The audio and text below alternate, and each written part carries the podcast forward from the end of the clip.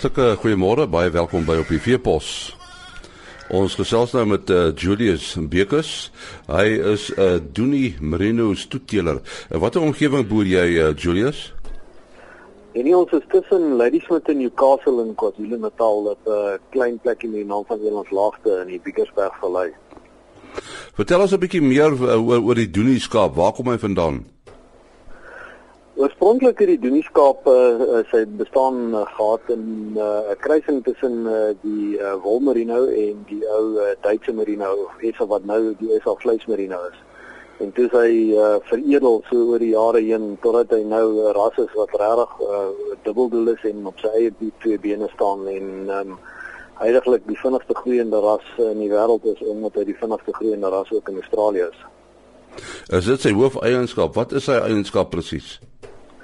Uh dis 'n dubbeldoel skaap. Ehm um, die fokus is is is maar nog steeds op op vleis, maar jy weet die die mense fokus regtig ook op die wolkwaliteit. So ehm um, daar so so mense dink omtrent so 80% van jou inkomste kom uit vleis en dan die ander 20% uit wol. Ehm um, dit fluktueer natuurlik so klein bietjie met uh, die wolpryse en die vleispryse afhangende van jy weet wat in die wêreldmark gebeur ten opsigte van vleis en wol, maar dit is min of meer waarna ons mik. So 6% ehm um, van die uh, skaap se uh, liggaamsmassa is is wol.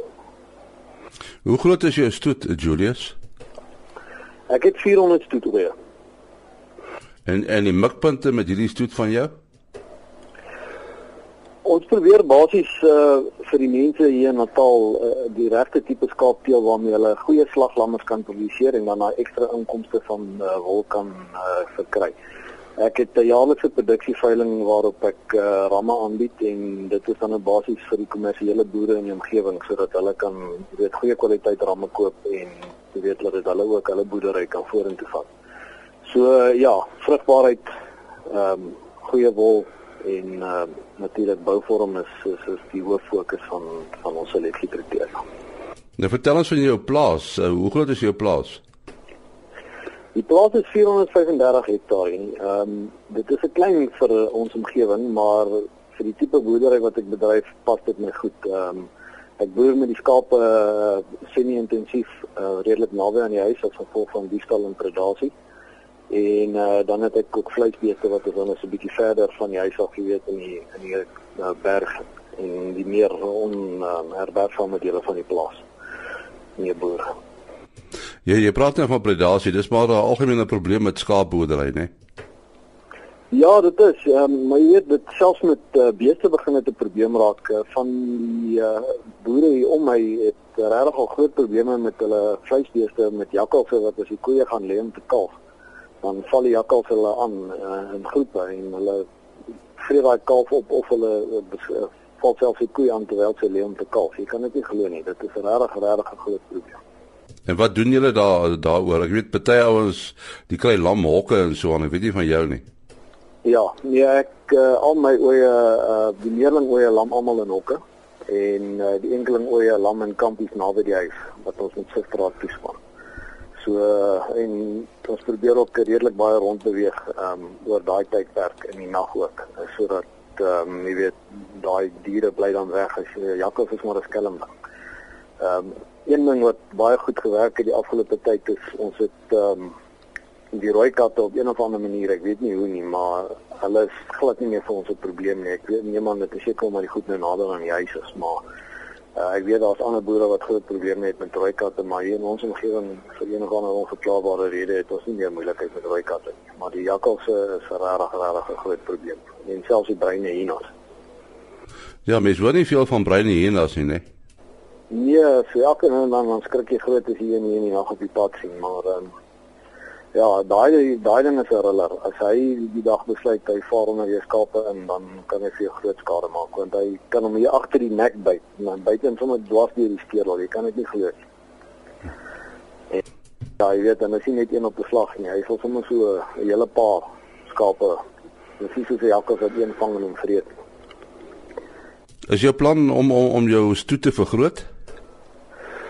Uh en nie nee, ek dink nie so nie. Ek dink dit is min of meer waar ek nou staan. Ek dink dit is wat ek kan hanteer met die fasiliteite wat ek het en ek glo nie ek wil hom groter as dit maak nie. Ek sal hom eerder weet die kwaliteit aanhou verbeter. Ehm um, dit is iets waarop ons redelik gefokus het die afgelope klompie jare om te probeer selekteer vir 'n spesifieke tipe en jy weet hoë vrugbaarheid en daai soort van ding. So ek sal eerder ehm um, nog meer seleksie druk op daai eienskappe wil plaas en jy weet dit wat ek het aanhou verbeter sodat die kwaliteit eerder kwaliteit as kwantiteit.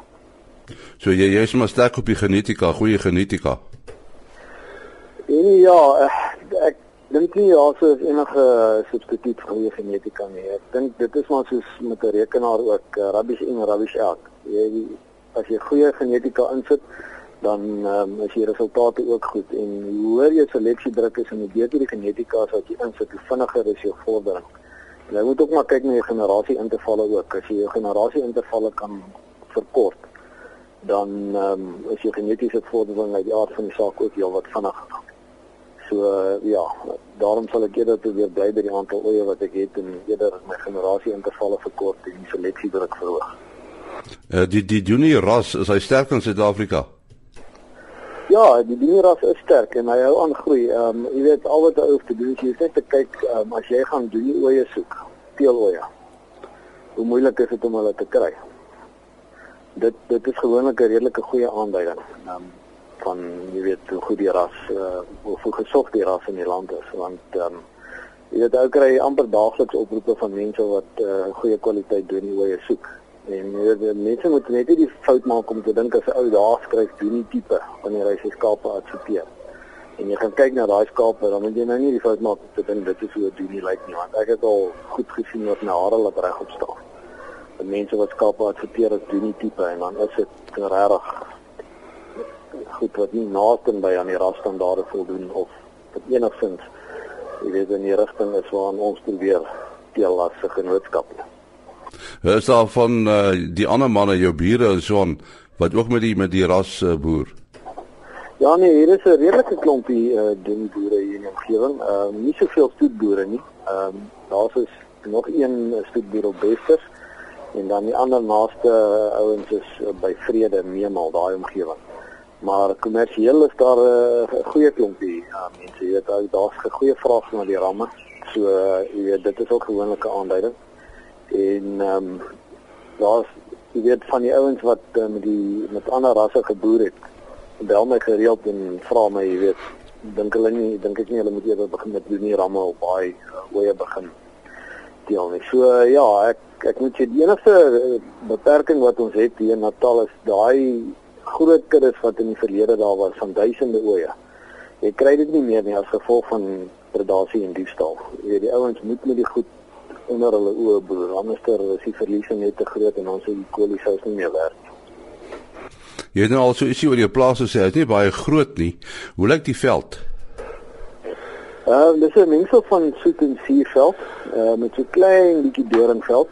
Ehm um, maar ja, dit is dis redelike harde uh, redelike harde omgewing vir skape. Dit is nie die heel beste skaapwêreld wat jy kan kry nie. Dis meer 'n 'n beeswêreld. Maar ehm um, in die geskiedenis uit hierdie vallei het daar baie baie goeie wol gekom. Jy weet dat die draai van die vorige eeu, van die 1900s af. En daar van die beste skeersels in die land het uit hierdie vallei uitgekom. Maar nou praat ons van lank lank terug. Maar ehm um, ja, soos ek sê, dit is maar bestuur. Hou met my geld reg bestuur en ehm um, jou oë se voeding reghou dan maak 'n mens dit. Ja, daar was nou nogal op plekke taamlik droogte in die land. Uh ek weet nie hoe dit op jou plaas is nie.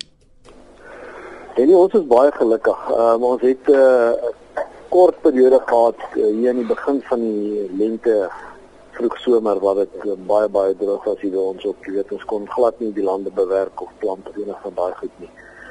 Uh, met jy natuurlik besproeiing gehad het, maar ehm um, toe dit nou begin reën het dit regtig mooi gereën. Op die oomblik is dit mooi hier so by ons en ons is baie dankbaar daarvoor en ons dink uh, aan die manne wat nog nie reën gehad het nie en in die areas van die land waar dit nog swaar gaan. Baie manne is in ons gebede is en regtig waar. Ek kan nie dink hoe hulle moet voel nie.